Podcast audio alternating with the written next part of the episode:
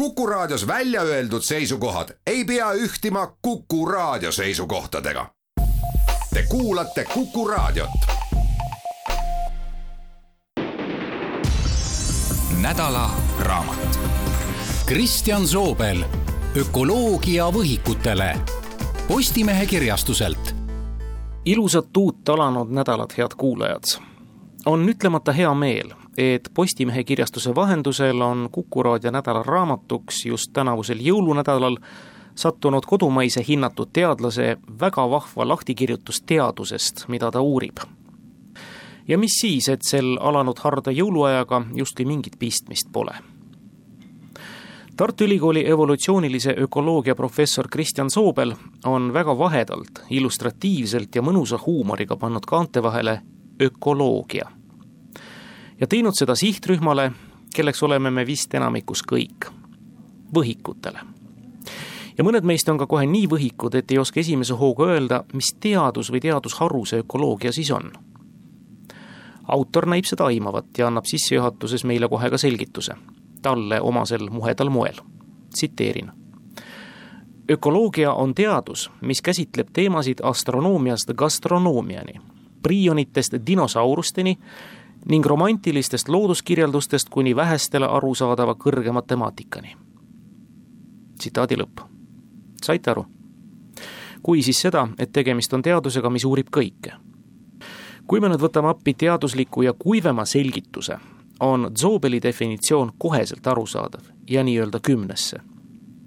ökoloogia on nimelt teadus organismide ja keskkonna, see on siis nii elusa kui eluta looduse vahelistest suhetest ja issand, kui lihtne nüüd kõik tundub. või hoopis märksa keerulisem. sest see on ju kogu elusmaailm ainuraksetest sinivaaladeni versus kogu maailm liivaterast Tšomolungmani või Raudtee tänava kraavist Mississippini. Who? ja sellepärast lisabki professor Zoobel kohe juurde, et iga ökoloogia raamat, mis ilmunud, on kirjutajanäoline põgus valik teemasid, mis tunduvad autorile olulised ja ei käi üle jõu ja lisab ka ausalt juurde, et meie nädalaraamatus on üsna mitu teemat sellised, kus on Eestis ka temast targemaid inimesi ja nende teemapeatükkide juures on Soobel siis pigem kaasautor ja see targem inimene päris autor. ökoloogia on kõigist teadustest selgelt kõige vanem, sest ta hakkas pihta suurest paugust, neliteist miljardit aastat tagasi. tõsi, omaette teadusharuks ja oma nime sai see teadus märkimisväärselt hiljem tuhande kaheksasaja kuuekümne kuuendal aastal arvas saksa bioloog, loodusteadlane ja filosoof Ernst Haeckel, et kõik see, mida temagi uurib, võiks koonduda nimetuse ökoloogia alla. muide, Haeckelist on ka kohe raamatu alguses väike eluloo ülevaade, nagu enamikest teadlastest, keda Zoobel vähegi oma raamatus mainib. Need CV peatükikesed on ka kenasti suurte peatükkide vahele liigendatud ja mitte ainult need iga teemapeatükk kätkeb endas ka asjakohaseid fotosid, tabeleid ja graafikuid, mis kõik on ka väga informatiivsed. parasiitidest, bioomidest, inimestest ja pikkloivvaaladest rääkimata. aga hea küll, suure paugu juurde nüüd tagasi tulles, siin leiab Zobel ja tegelikult selle kõige esimese peatüki kaasautor Peeter Tenjes juba hulka vastuolusid lahti kirjutada. kõigepealt selle, et kas midagi ka enne suurt pauku oli ja teiseks võtab ka arvestada siinkohal kristlaste nägemust kunagi toimunu kohta ja teha seda mõistagi läbi piibli. selle üle, mis enne suurt pauku küll võis olla, teadlased juurdlevad, aga selge on see, et ei teata mitte kui midagi. mida teatakse raudkindlalt, on see, et elusloodust siis küll ei olnud.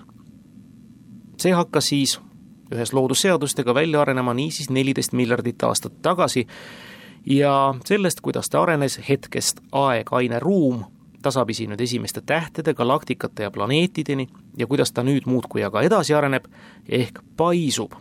seda kõike näitab kujundlikult meie raamatusse joonisena saanud pilt torust, mida vaadates kõik nii lihtne tundub. ja muide, universum paisub edasi, Alexander Friedman tõestas selle ära ja Albert Einstein kinnitas üle. aga nüüd kristlaste versiooni juurde tulles, autoritel on sellele juba kõigele kõneldule ka pühakirjast tõestust juurde võtta. esimesed read esimesest Moosese raamatust ehk alguses lõi Jumal taeva ja maa, defineeriks tänapäeva füüsikud siis nõndaviisi, et kõigepealt tekitati väli ja aine. tõsi, sellest ainult ei piisa. on vaja ka informatsiooni selle kohta, kuidas pauguga toime tulla.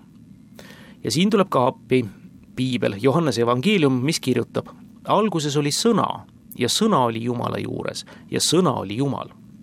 ehk siis füüsikud arvavad, et keegi ikka valdas seda infot, mis oli vajalik universumi käivitamiseks.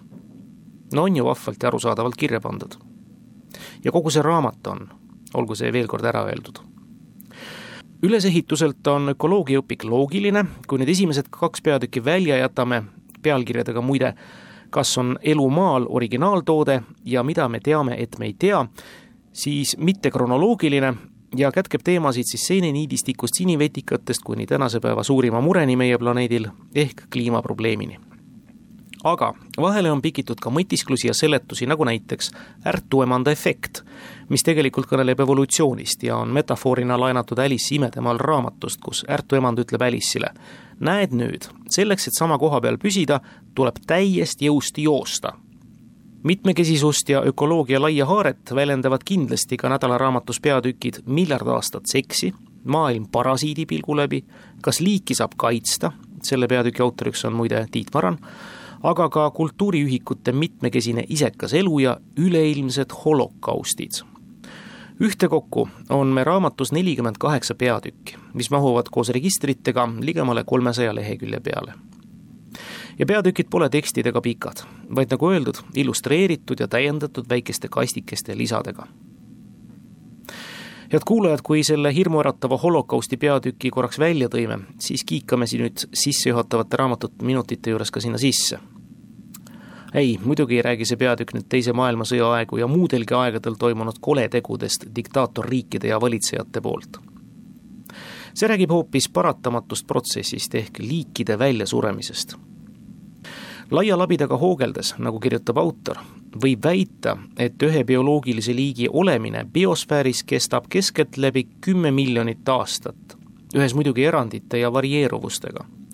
näiteks mõned sinivetikad on meie planeedil elanud juba kaks miljardit aastat. aga mis on seejuures huvitav, et nõnda, nagu on paisumas universum, liigub hoogsalt edasi ka evolutsioon ja teeb seda aina kiirenevas tempos uusi liike tekib tänapäeval kiiremini kui kunagi varem, eriti selgroogsete hulgas ja teatud oma loogikaga. mida rohkem taksoneid on, seda enam tekib neid ka juurde. aga siiski, neid läheb ka igavikku. üleilmne elurikkus on saanud ajaloos mitmeid hoope ja neid hoope tuntakse massväljasuremise episoodidena kõige räigem neist leidis aset kakssada viiskümmend miljonit aastat tagasi, kui kadus üheksakümmend kuus protsenti toona maailma meres hõljunud liikidest ja seitsekümmend protsenti maa peal elanud selgroogsetest. mis täpselt juhtus? ei teata tänini. on räägitud asteroidi tabamustest, massiivsetest vulkaanipursetest ja kliima ootamatust muutumisest. aga elurikkus taastus tasapisi vees viis korda kiiremini kui maal, muide viimane teadaolev holokaust eluslooduses toimus teadaolevalt kuuskümmend kuus miljonit aastat tagasi kriidi ajastu lõpul ja selle põhjustaja on teada. Mehhiko lahte platsatanud kümne kuni viieteist kilomeetrise läbimõõduga asteroid, mis andis taas kord hoobilt maailma elusloodusele uue näo. sellise, kust arenes välja see maailm, mida me täna enda ümber näeme. head kuulajad, eeskätt siis ökoloogia võhikud nagu nüüd juba tänu meie nädalaraamatule teame, on ökoloogia suuresti teadus suhtlemisest ja suhestumisest. elusloodus versus eluta loodus ja elusloodus versus elusloodus, aga ka eluta loodus versus eluta loodus. ja vaat et ideaalselt sobivad selles määratluses ökoloogia subjektideks parasiidid. ja neile on autor Kristjan Soobel pühendanud meie nädalaraamatus palju sisukaid lehekülgi muidugi on sõna parasiit ja kujutlus temast üsna negatiivse varjundiga. aga ausõna, mitte kõik parasiidid, vist isegi enamus neist pole südame poolest pahad. Nad on sellisteks lihtsalt loodud evolutsiooni käigus. ja nii mõndagi nende tegutsemisest ja nende motiividest saab selgemaks nädalaraamatu peatükist Maailm parasiidi pilgu läbi muide, kas te teadsite, et parasiidid on maailma kõige liigirikkam seltskond? Kui ei, siis esimese asjana selle tollest peatükist ka teada saab. nagu ka mõneti üllatava faktina sellegi, et inimesele üks tuntumaid ja paljudele meist ka kogetud parasiit paeluss on väga sarnane boamaoga mõlemad on täiskasvanuna mitme meetri pikkused, siugja keha ja lülilise kehaehitusega loomad, kes armastavad toituda soojaverelistest. aga sellega ka sarnasused lõpevad. kui rääkida nende kahe eluviisist, siis need on sootuks erinevad. Boamadu on nimelt kiskja ja paeluss nugiline ning see määrab ka nende saagi kogumise viisi ja laiemalt kogu elustiili. paeluss inimest ei varitse ega neela alla tema saabub meie organismi rahumeelselt koos toiduga. ja soolestikus pesitsedes sööb ta sedasama, mida meiegi, lahjendades niiviisi mõnevõrra küll meie leent. ja ta ka lahkub meie seast võrdlemisi rahumeelselt.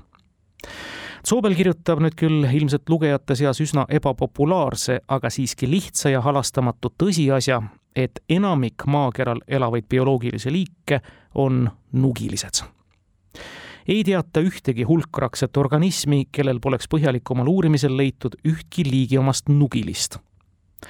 viimastel on tihtipeale omakorda liigiomased nugilised ja nii edasi. Kuna enamik teadaolevaid liike on hulkraksed, koorubki välja tõsiasi, et nugilise rahvas on maailmas taksonoomilises mõttes mitmekesisem kui see rahvas, kellel nugitakse. tõsi kergenduseks võime tõdeda, et suurem osa nugilistest on pisinugilised ehk mikroparasiidid, viirused, bakterid, protistid, seened. Nende puhul saab nugilise populatsiooni suurust hinnata ainult nakatunud peremeesorganismide arvu järgi, nugivaid organisme pole mõtet ega enamasti ka võimalik üle lugema hakata. no koroonaviirust on ju sama palju kui sellesse haigestunuid. jalaseent on sama palju kui seeneohvritest kodanikke pisinugilised tegelikult kontrollivad sageli oma peremehe kombeid selliselt, et viimane oleks tõhus abiline nugija levitamisel. Üks ajuparasiit teeb jänese, kelle kehast nugiline soovib vaheperemees hundi sisse minna, usaldavaks, loiuks ja heatahtlikuks, see tähendab siis hundile lõpuks kergeks saagiks ka meie muide köhime haigestununa mitte sellepärast, et me tahaks, vaid sellepärast, et pisinugiline tahab piisknakkusena levida ja soovitus siinkohal autorilt, köhige ikka taskurätti või käisesse, rusikas või käelaba ei aita. marutaud, süüfilis, ebola või aits, kõik on nugiliste kätetöö. Üks levib kavalamalt kui teine, alates sõbralikult saba liputavast marutaudis rebasest koduõues kuni armukire kõike võitva ja riske eitava sümfooniani. mikroparasiitide käsi on vähemal või rohkemal määral igal pool sees mikroobide maailm tundub tihtipeale kohana, kust üleolevalt enesekindlate hulkraksete jõmmide üle naerdakse ja neid külmalt ära kasutatakse. tõdegem kurvalt. Ja muide, olgem siis ka mikroparasiidiga nakatunult pigem kodus, soovitab autor selle väga hariva kiirekskursi lõpetuseks sarnaselt enamikule elusloodusele jaotuvad mõistagi ka parasiidid väga mitmesse rühma. me elame ja jagame seda maailma koos pärisparasiitide ja poolparasiitidega, kes siis omakorda on, nagu teame, mikro- ja makroparasiidid. Need, kes võiksid olla pärisparasiidid, üldiselt kujutame ette ja Zoobel kirjutab ka lihtsa definitsiooni. Need, kes oma eksisteerimiseks vajavad tingimata seda, et veedavad mingigi osa oma elust peremehega intiimselt seotuna. ja neid peremehi võib olla parasiidi elu jooksul ka mitu aga on ka poolparasiidid ja palun väga, nendeks on eranditult kõik rohelised taimed. ja muide, nende hulgas leiab ka päris parasiite. Aga poolparasiitidega jätkates, Eestiski on neid taimeliike üsna mitmeid, kes kõik koonduvad küll ühte sugukonda ja selleks on mailaselised. robirohi, härgheinad ja silmarohud ja ka Eesti kuulus, Eesti ainus tõestatult pärismaine ehk endeemne Saaremaa robirohi on poolparasiit, kes varastab naabertaimedelt süüdimatult lisatoitu. sest see on tema elustiil ja elus olemise viis. Ja veel üks ilus taim, millelt välimuse järgi poleks osanud oodatagi, on suisa täisparasiit. see on maailma suurima, läbimõõdult kuni meetrise õiega Arnoldi raitlill, kaunis punane ja suure südamikuga tema küll Eestis ei parasiteeri, vaid märksa soojemates ja niiskemates tingimustes Sumatra ja Borneo saarel, kus ta siis parasiteerib muretult liaanide juurtel vaat see on üks igatpidi pättlill ja tema meelitab suisa meie kultuuriruumis hästi tuntud näki kombel. ta nimelt, lisaks ilule, meelitab ka oma erakordse raipe haisuga ligi tolmendajaid putukaid, et läbi nende siis kusagil saarel edasi ja uuena õilmitseda. hea küll, pilt parasiitidest võib minna veel koledamaks. on veel üks liik parasiite ja need on parasitoidid, röövparasiidid. Nemad on sellised tegelased, kes kõigepealt võtavad peremehe kulul tükk aega elada ja kui see peremees on surnud, söövad ta ka lõpuks ära. Neid on nimetatud ka nekrotroofseteks parasiitideks, viide niisiis oma lahkunud peremehega maiustamisele kusjuures, nagu tutvustab Zoobel, veedavad parasitoidid oma hilisema elu ehk siis pärast peremehe surma nii-öelda päris tavakodanikena, toitudes armsalt nektarist või kiskjana ka väiksematest tegelastest. Nende, tahaks öelda jõletiste, aga veel kord, evolutsioon on nad sellisteks teinud ja ärme siis nii koledalt ütle, hulka kuuluvad mitmed kiletiivalised, näiteks mõned herilased, aga selliseid on ka seente hulgas, kellele pole organismideks võõrad nii taimed kui loomad hea küll, pehmendame nüüd võib-olla õudusest kaamete kuulajate enesetunnet. mõned seened okaspuudel on sellised, mis võtavad toda okaspuud okkast nakatada, tema elu seejärel lõpetada ja seejärel see okas nahka pista. Seda saame teada paar peatükki varem, kuhu Zoobel oma artikli viitega saadab. ja sellest peatükist saab võhik teada veelgi huvitavamaid fakte. et parasiitidele vastanduvalt täielikult oma eluviisilt kommensaalid, ladina keeli lauakaaslased Need on lagundajad, kes lepivad selles ökosüsteemis sellega, mida surm neile ette asetab ja on selle eest väga tänulikud. Kommensialismiks nimetatakse liikide sellist vastasmõju, kus üks pool ehk siis antud juhul lagundaja saab kasu, aga teisele poolele midagi halba ega otseselt ka head ei juhtu. kommensaalid on hääletud, enamik neist ka kurdid isegi kõige kogukamad ja ohtlikuma väljanägemisega nende seast, raisakotkad, on peaaegu tummad Neil puudub korralik hääleaparaat ja nad suudavad esile tuua ainult mingeid sisinaid, mida on ka vaevu kuulda. ei mingit linnurahvale muidu nii omast häälekat suhtlemist. Ja vaatamata hirmutavale välimusele raisakotkad ise saaki ei tapa, vaid ootavad kannatlikult, kuni tulevase toidu eluavaldused lakkavad kaaskodanikke ei tapa toidutarbeks ka vihmaussid, kakandid, hooghändlased, raisamardikad ja muud tegelased, kes ökosüsteemis osutavad matuse- ja mineraliseerimisteenust vaikides närivad nad oma lahjat vitamiinivaest toitu, mis sõna otseses mõttes ülevalt sülle langeb. no näiteks langevad lehed ja teiste organismide väljaheited. Mõningane kollateraalne kahju sellisel tegevusel muidugi on. paljud imepisikesed kommensaalid kaotavad selle tegevuse käigus nimelt oma elu ja nüüd päris viimase põntsu panevad orgaanikale alati seened ja bakterid, kes siis süsinikuühendid lõplikult taimedele omastatavateks mineraalaineteks konverteerivad. ja need ained on siis süsihappegaas, vesi ja mineraalsoolad. ilma nendeta muide oleksime kohe plindris, sest nõnda saaks otsa ka maismaa taimedele nii oluline atmosfääri süsinik. Ja vot see on üks tõeline ökoloogia ringmajandus, kui kasutada tänapäeva popi mõistet head kuulajad, see on siis üks vastastikust suhtlemist ja suhestumist käsitlev peatükk meie nädala raamatus, tema täies ja muidugi tuleb öelda kiitvalt arusaadavas ilus. head kuulajad, armsad ökoloogiavõhikud ja samas selle ökoloogia lahutamatud osalised ehk nišitäitjad ja selles elajad.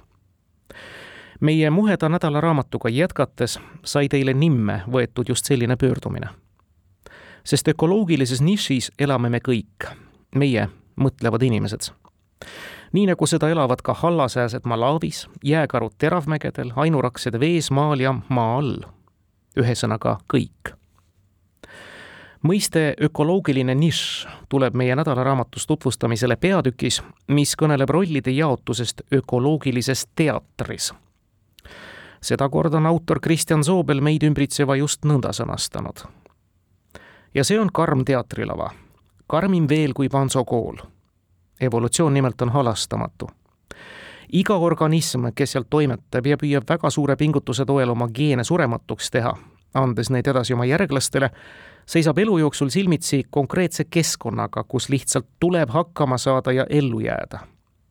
kui see ei õnnestu, lendad tollest näitemängust halastamatult välja mõiste ökoloogiline nišš võttis tarvitusele USA ökoloog ja eugeenik Roswell Johnson ja pidas sellega silmas bioloogilise liigi rolli või elukutset ökosüsteemis. sõna nišš ise on tulnud prantsuse keelest ja tähendab siis konkreetselt orvasid või tühimikke kirikuseinas, kuhu pandi ja pannakse seisma skulptuurid nüüd siis kõik bioloogilised rollid nii-öelda ökoloogia templis, kus nad peavad saama hakkama keskkonnas, nagu ta loodud on, ja jagama seda rivaalidega, teinekord ka üsna pahasoovlikega, nagu eile kõneldud parasiidid ja selleks keskkonnaks on siis mis iganes, mida me maakeralt leida võime. on ta siis mahlakas liaan džunglis, mõni pime koobas, Antarktika külmakõrbed või kivist ja betoonist suurlinnad. ja olete vist nõus, et kõik kõikjal hakkama ei saa. ja kui ei saa, on tulemuseks surm. autor toob siin näite, et jääkaru ja pruunkaru näevad sarnased välja ja armastavad mõlemad väga liha süüa, aga üksteisega keskkonda vahetades surevad nad mõlemad ruttu. Neil on erinevad liistud, rollid ehk nišid ja paraku on ka nii, et mitte kõigile ei ole ökoloogilises nišis antud võimalust olla võrdsetena ühise päikese all. Möödunud sajandi kahekümnendatel aastatel näitas Nõukogude teadlane Georgi Gause, et kaks koos elavat bioloogilist liiki ei saa üht ja sama ökoloogilist nišši sõbralikult jagada. üks tõrjutakse varem või hiljem konkurentsivõitluses välja see tõik on ökoloogias tuntud kui Gause reegel ehk konkurentsi väljatõrjumise seadus nii nagu ühele lavale ei mahu kaks dirigenti, ühe treipingi taha kaks treialit, ühte valitsuskabinetti kahte peaministrit ega sama laulukaare alla kaht samaaegselt erinevat repertuaari esitavat meeskoori. üks peab lihtsalt lahkuma. ja nõnda ei saa ka kaks samas ökosüsteemis elutsevat liiki täita samas ökosüsteemis ühesugust rolli. nii sedastab autor taas halastamatu tõe aga lisab kohe lohutuseks juurde, et sarnaseid ja teineteist täiendavaid rolle küll. sest dirigendi kõrvale sobib väga hästi kontsertmeister, treiali kõrvale tsehhiülem, peaministri kõrvale siseminister ja meeskoori kõrvale sama repertuaari esitav naiskoor pruunkaru kõrval tuleb looduses toime hunt, kuuse kõrval jänesekapsas ja koolibri kõrval teistsuguse nokakujuga koolibrii. Neil on erinevad nišid ja seetõttu pole konkurents nii tige, et keegi peaks lõplikult metsast lahkuma seega on eristumine ja spetsialiseerumine evolutsioonilise edukuse võtmeküsimus. elada seal, kus teised ei suuda, tarbida selliseid ressursse, mida teised tarbida ei oska või ei taha. ja autor esitab nii vahva kokkuvõtva moraali. noored õpihimulised inimesed, püüdke eristuda, osata midagi, mida teised ei oska. See on lihtne ökoloogiline tõde, mis kehtib kogu eluslooduses selle peatüki illustratsiooniks on autor Kristjan Soobel välja toonud ka vahvad lisalood ja graafikud. esmalt siis Georgi Kause, selle konkurentsiteooria looja laborikatse. tema kasvatas oma teooriale kinnitust saades oma laboris kingloomi. ja tõesti, neid vahvaid ainurakseid monokultuuris kasvatades ilmnes nende pikk ja vitaalne eluloomus aga karjakesi kasvatades ilmnes asjaolu, et tegemist ei olegi karjaloomaga ja väljasuremus oli kiire tulema sama peatüki teises ja põhjalikumas lisaloos kujutab autor ette erinevaid ökonišše graafilisena ja selgitab ka lugejatele, mis asjad on potentsiaalne ja realiseerunud ökonišš. siin ütlevad eesliited nende kohta nii mõndagi. Head kuulajad, liigume ehk sujuvalt nüüd mõned head peatükid edasi ja võtame vaadelda Kristjan Soobeli abiga seda, mille pärast kõik ökoloogilised nišid vist siin maakeral võistlevad ja kas tuleb sellest siis win-win olukord või mitte see on vesi, väärtuslikem maavara, mida meil võtta on. ja muidugi käib jutt tarvitatavast veest, veest maa peal, ehkki vesi on ka rikkalik elukeskkond meres. Soobel alustab kristlasena taas viitega piiblile. Maa oli tühi ja paljas ja Jumala vaim hõljus vete kohal. nõnda on siis kirjas päris piibli alguses, esimeses Moosese raamatus. ja autor jätkab tõepoolest, kui maa oli veel neitselikult paljas, siis vees juba toimus midagi mis peaks olema üpris ebatõenäoline ja mille seletamine on paljude arvates keeruline ilma looja mõistet sisse toomata. elu on ilmaruumis ilmselt haruldane nähtus ja meie planeedil sai see kahtlemata alguse vees. Ja kogu lõplikult mürgitamata vesi on ka tänini suurt elu täis.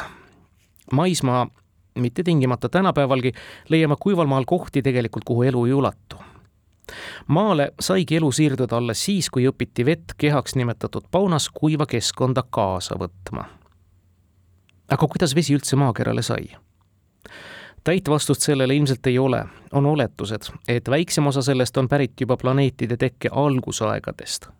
Enamik siiski on arvatavalt pärit komeetidelt, määrdunud hõreda jääkamakatelt, mis maale on aeg-ajalt lajatanud ja vett on oluliselt vähem, kui me arvame seda olevat, ka maailma näinuna.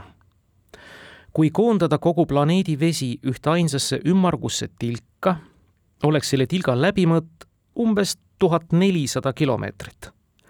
kaugelt vaadates varjaks selline veetilk maapinna Soome põhjatipust kuni Riiani.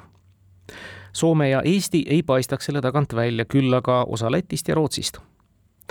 maakera mage vesi moodustab sellest aga kosmosest vaadatuna üpris pisikese tilga, läbimõõduga kakssada seitsekümmend kilomeetrit. ja see ei varjaks isegi mitte kogu Eestit. kogu maakera jõgede ja järvede moodustatud veetilk osutuks aga päris maanetuks.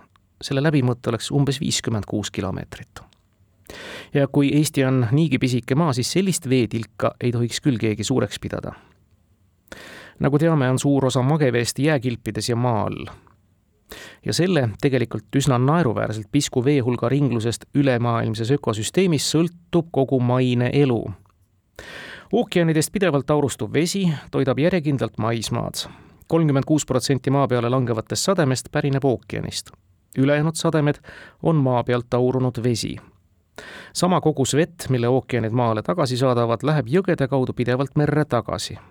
korralik ringmajandus seejuures on maakera atmosfääris aurustunud või aerosooliks kondenseerunud, noh, pilve ja udu näol siis vett üllatavalt vähe umbes, umbes kaks koma kuus protsenti sellest, mis ühe aasta jooksul sademete kujul alla langeb. seega siis veeringe on väga kiire ja kõik, mis aurustub, tuleb sademetena kiiresti tagasi sademed on huvitaval kombel maakeral jaotunud väga ebaühtlaselt. suurem osa maismaast saab sademeid alla viiesaja millimeetri aastas kõige kuivem koht on Atacama kõrb Põhja-Tšiilis, seal ei saja peaaegu üldse. ja kõige rohkem sajab Kirde-Indias, kohe mitu meetrit vett aastas. head kuulajad, tuleb tunnistada, et see on üks silmi avamaid peatükke meie nädala raamatus. Ühes kergendava teadmisega, et Eesti on sattunud puhta vee mõttes maakeral ikka väga õnnistatud paika ja mis puudutab seda pidevas ringluses oleva vee hulka, meenutame siis aegade algusest saadik, on lõppu siia tuua raamatusse üks imehästi sobiv võrdlus, mille autor on siis leidnud. nimelt, üks Inglise ökoloogiaprofessor oli armastanud oma tudengitele joviaalsematel hetkedel alati meelde tuletada, et igas klaasitäies vees, mida me joome, on vähemalt üks veemolekul, mis kunagi on läbinud Aristotelese põie head kuulajad, me oleme oma selle nädala vahvat raamatut tutvustades jõudnud teha viiteid sellele, et igal liigil on kord lõpp selles ökosüsteemis. nii sedastab autor ja oleme vahendanud, et keskmiselt on antud ühele bioloogilisele liigile planeedil elada kümme miljonit aastat. kui juhtub mõni holokaust, millistest ka näiteid tõime, siis muidugi vähem. Ja mõistagi on siin mustmiljon erandit täna võtakski vaadelda selle kurva tõsiasjaga haakuvaid peatükke meie nädalaraamatus. esmalt selline lugemine kui, et kuidas komplekteerida noalaeva. me oleme viidanud, et autor Kristjan Soobel ütleb end olevat kristlane ja loogiline, et ta alustab ka seda peatükki viitega piiblile esimeses Moosese raamatus kirjeldatakse juhtumit, kus looja vihastas inimsoo peale nii hirmsasti, et otsustas oma hiljuti loodud elu taaskäivitada suur veeuputus tappis kogu maise elu maakeral, jättes ellu vaid ühe paari igast bioloogilisest liigist. piiblist saame välja valitud isendite taksonoomilise kuuluvuse kohta küll üsna vähe teada, sest töötavat taksonoomilist süsteemi umbes viissada aastat enne Kristust ju ei olnudki aga kirjeldatud hädaolukord meenutab evolutsionistile kohe maakera nõndanimetatud jääpalli perioode, mis kestsid mitukümmend miljonit aastat korraga siis oli kogu maakera kaetud jääga ja ookeanis hingitsesid organismid, mis pidid oskama ainult ühte, selle õudse aja lõppemisel uuesti virguda ja vabanenud ressursid lahkelt üle võtta. Arvatavalt oli selliseid üleilmseid jäätumisi viis või kuus ajavahemikus seitsesada kaheksakümmend kuni viissada nelikümmend miljonit aastat tagasi.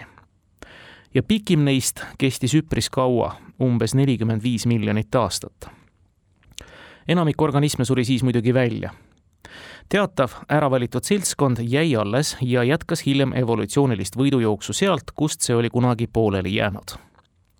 Ja nende hulgas oli nii eeltuumseid kui ka päristuumseid, nii ainu- kui ka hulkrakseid. ka esimesed taimed ja loomadki elasid need viiperused üle naastes nüüd piiblis kirjeldatud veeuputuse juurde, siis täna oleme targemad. ühe paari tiigrite või sebrade laevale võtmine ei ole kaugeltki sugugi piisav populatsiooni väljasuremise risk on tihedalt seotud selle suurusega, mida suurem on populatsioon, seda pisem on tõenäosus mingi juhuse, on ta siis parasiidirünnak või vulkaanipurse, tõttu kaduda üksisane ja üksemane on suguliselt paljunevatel liikidel minimaalne võimalik populatsioon üldse. hermafrodiitidel ehk mõlemasoolistel muidugi piisab teoreetiliselt ka ühest isendist, no näiteks õunapuul seega, kui maailma ainsal isasebral Ararati mäe peal komistades jalaluu katki läheb, ongi sõbradega kõik. eeldades muidugi, et emane juba noalaevas tiineks ei jäänud. aga ka siis oleks asi kehv, sest kui sünnib tütar, surrakse igal juhul välja ja kui poeg saab kuidagi hakkama, aga lähisugulastega saadud laste tervis kipub nõrk olema olenevalt konkreetsest liigist võib minimaalne kestmiseks vajalik populatsiooni suurus olla väga erinev selgroogsete puhul, toob autor välja, võiks see vähemalt saja ringi ulatuda. vastasel juhul on geneetiline mitmekesisus populatsioonis jätkusuutlikuks kestmiseks reeglina liiga väike seega, kui oletada, et ühe paari asemel oligi noalaevas igast liigist ikka vähemalt sada isendit, kindlustamaks, et uutes oludes leidub populatsioonis piisavalt geneetilist varieeruvust, et looduslikul valikul oleks materjali, millest moodsaid organisme vormida ja kohe tekib järgmine väga õigustatud küsimus. kuidas valiti välja need kõige sobivamad isendid elu jätkama pärast seda, kui noalaev Ararati jalamil randus? üks ja mitte sugugi võimatu ja rumal meetod võiks olla valimine näo järgi, sest parema tervisega isendid näevadki üldjuhul ka kenamad välja teine võimalus oleks austada ökoloogilise teatri reegleid ja valida kandidaate paljunemisväärtuse ehk lühendi PV järgi viimane on isendi oluline omadus, mis mõõdab, kui suur on tema tulevase põlvkonna ootus. teisisõnu, kui mitut last on sellise vanuse ja sooga isendilt veel enne surma keskmiselt oodata üks klassikaline näide, mille autor välja toob PV muutumisest elu jooksul, pärineb üheksateistkümnenda sajandi alguse Austraalia naistelt. tüdrukust vastsündinul oli toona elu jooksul oodatav tütarde arv keskmiselt kaks aga kui Austraalia tüdrukust sai täisjõus sigimisvõimeline naine, noh umbes kahekümneaastaselt, oli PV juba kolm. põhjus oli lihtne, laste suremus oli suur ja osa potentsiaalsetest emadest ei elanudki suguküpsuseni. pärast kahtekümmet eluaastat hakkas PV langema ja läks nulli nii umbes neljakümne kolmanda, neljakümne neljanda eluaasta juures seega noalaeva tagasi minnes sinna peaks võtma umbes üheksakümmend üheksa äsja suguküpseks saanud ilusa näoga emast sebra ja ühe isase. viimaseid pole algatuseks rohkem vaja, sest kaks kipuvad ka kohe kaklema minema ja võivad üksteist ära sandistada. pealegi on üheksakümne üheksa emase puhul tõenäosus väga suur, et vähemalt osa neist juba turvalises laevas tiineks saab, enne kui ohtlikule maale tagasi peab siirduma peaasi on välja valida verinoor kosilane, kes kõikidele tulevastele emadele muljet avaldab tavaliselt on selleks kõige ülbem ja teiste isaste suhtes kõige kurjem tüüp. sest just selliselt isaselt võib oodata seksikaid ja teotahtelisi poegi, kes tulevaste põlvede eest head hoolt kannavad. puust ja punaseks vägagi selgeks tehtud nüüd vaatame, head kuulajad, ka päris eluliste näidete varal, kuidas liikide päästmine ja hoidmine tegelikult käib ja me võtame need elulised näited meie endi keskelt ehk Hiiumaalt meie nädalaraamatus on peatükk, kus Zobel taandab end kaasautoriks ja laseb põhilise selgitustöö ära teha tänasel loomaaia direktoril Tiit Maranil, kes muuhulgas on tuntud ka siis Euroopa naaritsapäästjana. see peatükk kannabki pealkirja Kas liiki saab kaitsta? ja teate mis? vastus on eitav nii vähemalt ütleb Rio de Janeiros tuhande üheksasaja üheksakümne teisel aastal alla kirjutatud bioloogilise mitmekesisuse konventsiooni lõppdokument seal sedastatakse, et elurikkust saab edukalt hoida ainult kaitstes ökosüsteeme tervikuna. kodusest ökosüsteemist välja rebitud liigi säilitamine tulevikuks üldjuhul ei õnnestu. Looma- ja botaanikaaedades elab küll. Palju selliseid olendeid, keda me looduses enam ei kohta, aga kuivõrd nad sellega ka biosfääri jaoks päästetud on, see jääb seni ebaselgeks ja samas on ka väga raske määratleda, kui palju ja milliseid liike võiks üldse ökosüsteemist eemaldada nõnda, et seesama ökosüsteem jääks olemuselt samaks.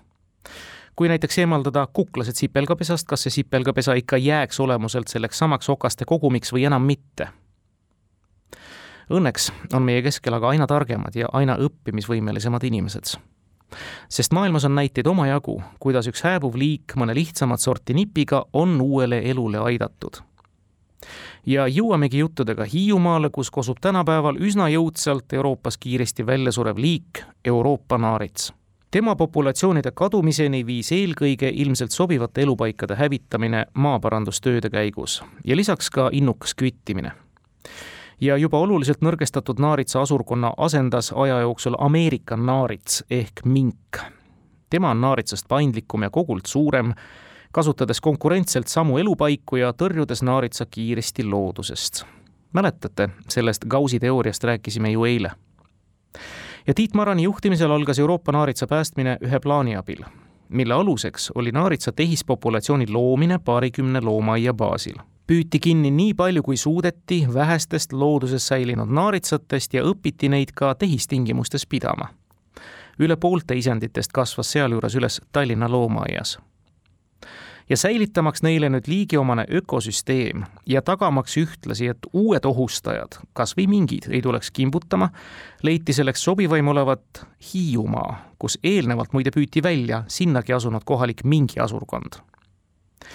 ja aastal kaks tuhat alustati uut koloniseerimist juba Euroopa naaritsatega. kolmteist aastat hiljem näidanud seire näitas, et see tegu läks vist korda Hiiumaal elavatest loomadest enam kui pooled on juba põlishiidlased, saarel sündinud. praeguseks elavad väljasuremisvõlga trotsivad naaritsad seal pea kõikidel neile vähegi sobivatel ojadel ja jõgedel. kuulsite uut terminit, väljasuremisvõlg.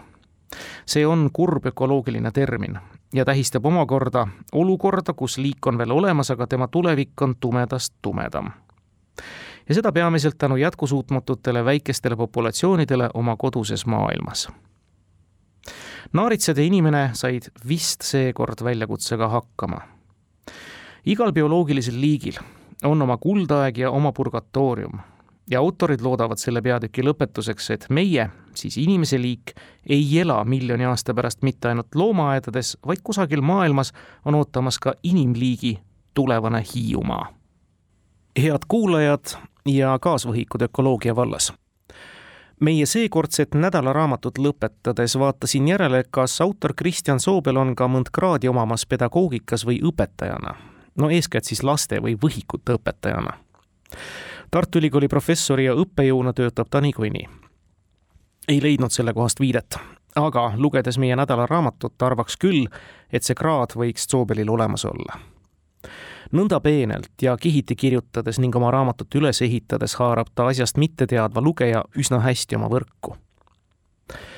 oleme läbi nädala ökoloogia olemust ja selle osiseid kajastavaid peatükke tsiteerides tõepoolest saanud märksa selgemaks selle, mis teadus ta on ja miks ta on.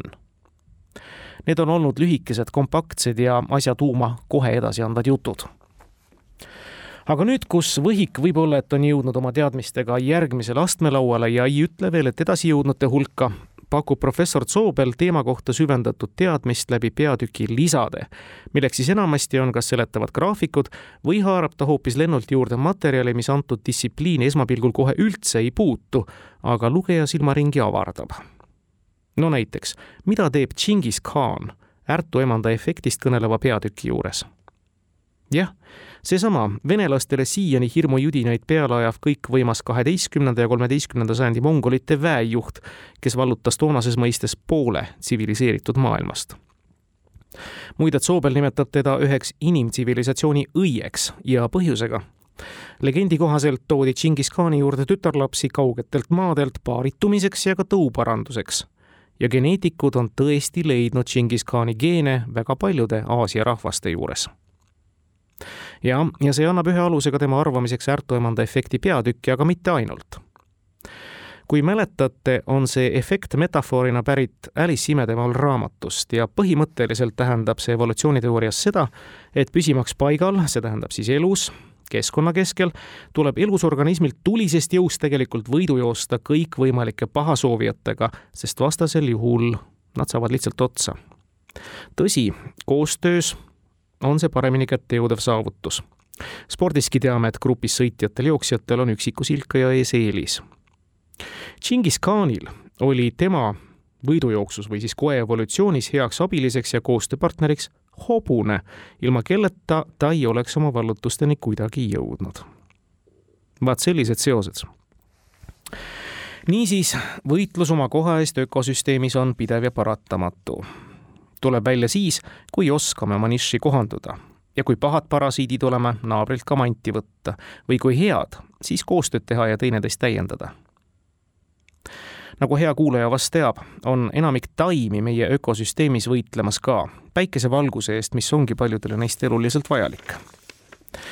tõsi, siin on silmapaistvaid erandeid ja üheks nendest on samblad, kelle maailma Kristjan Soobel meid ka lahkesti juhatab samblad ei suuda soontaimedega võidelda päikese püüdmise kunstis, kuna nad ei suuda kasvatada pikka vart aga hämaras keskkonnas on samblad tänini arvestatavad tegijad.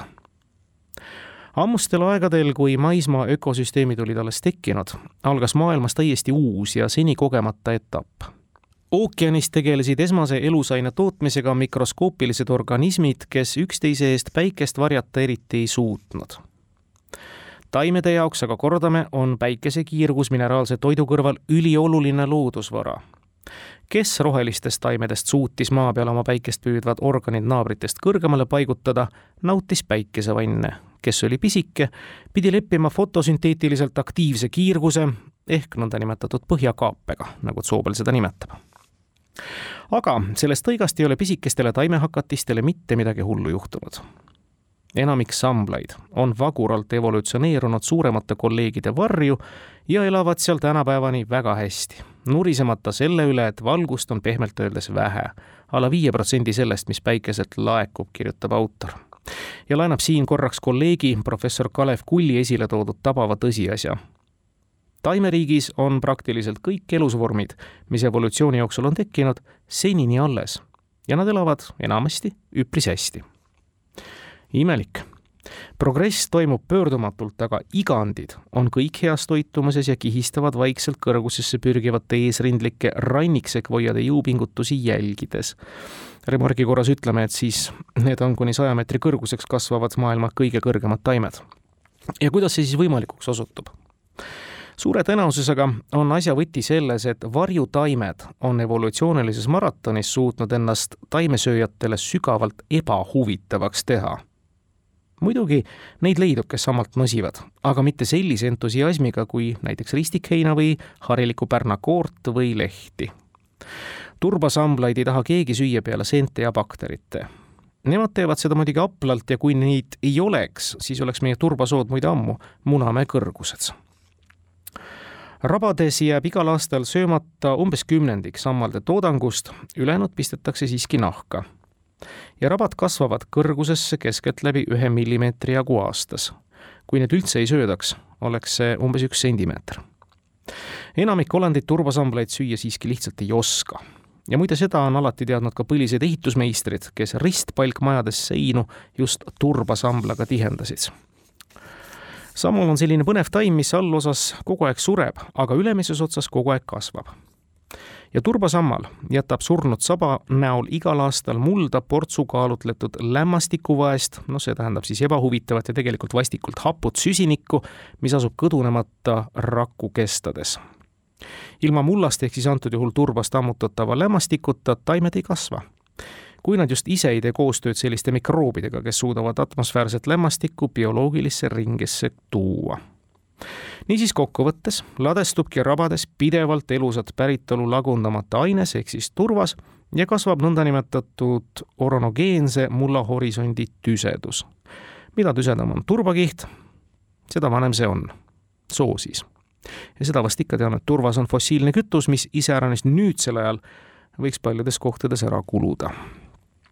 ja selle hariva ning peamiselt küsimusele, miks vastava peatüki juurde saab lugeja teada sammalde ehitusest.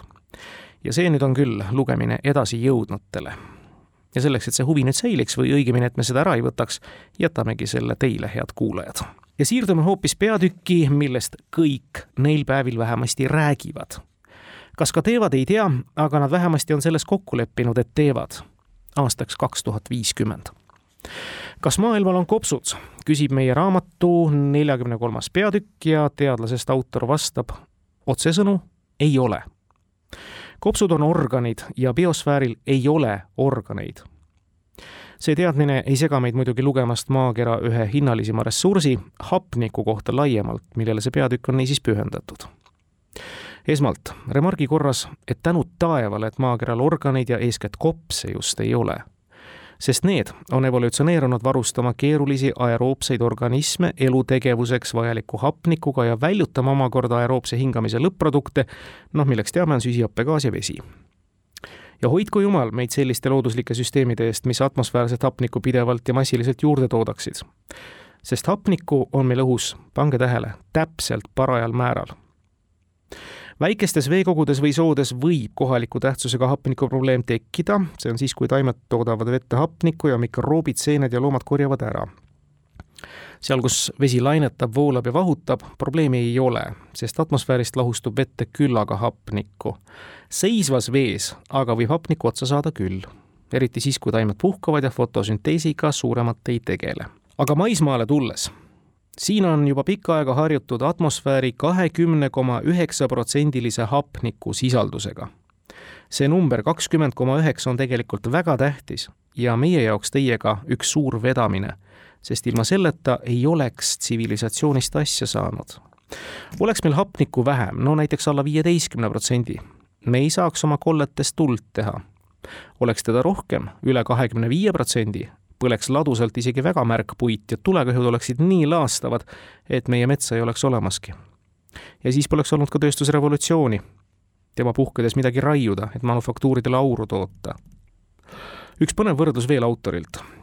muide, kui maapinnal leiduvad energiarohked süsinikuühendid kõik korraga ära põletada, no see on kõik elav põhimõtteliselt, metsas, turvas, rohi, inimesed ja nii edasi, siis süsihappegaasiks ja veeks seeläbi muuta väheneks atmosfääri hapniku kogus küll selle turu, suure tulekahju käigus, aga mitte eriti. ümardatult oleks see endiselt kakskümmend koma üheksa protsenti, nii nagu praegu. ja nüüd lükkab autor ümber ka ühe levinuima literatuurse metafoori. kõige vähem, erinevalt laialt arvatust, on maailma kopsudeks Amazonase vihmametsad. Nendes on hapniku bilanss nagu ka süsihappegaasi oma, ümmargune null. Sama palju, kui hapnikku fotosünteesitakse, toodetakse, sama palju seda ka elusaine lagunemisel süsiniku külge seotakse. tegelikult toodavad hapnikku pisikestes kogustes pidevalt juurde ookeanid, kus ladestuvad põhjasetted ja sood, kus ladestub turvas. lagundamata jäänud orgaanika arvelt jääb hapnikku veidi üle seega kutsub autor üles maismaa elanikke hapniku pärast kindlasti mitte muretsema, sest muud jamad on tähtsamad. Ja need muud jamadki on meie nädalaraamatus mõistagi üles loetletud ja ka lahti kirjutatud. head kuulajad, üks pikem nädalavahetus ja jõudeaeg seisab taas ees. kel on võimalust ja kel on huvi, lugege ja haarake meie nädalaraamatut pühadejärgseks ajaks ja uueks aastaks saate kindlasti olulise teadmiste kihi sellest, kus me siis oleme ja mille pärast südant valutama peaksime. kui sellele valule muidugi südames ruumi on. ilusat pühade aega! Nädala raamat. Kristjan Soobel, ökoloogia võhikutele. Postimehe kirjastuselt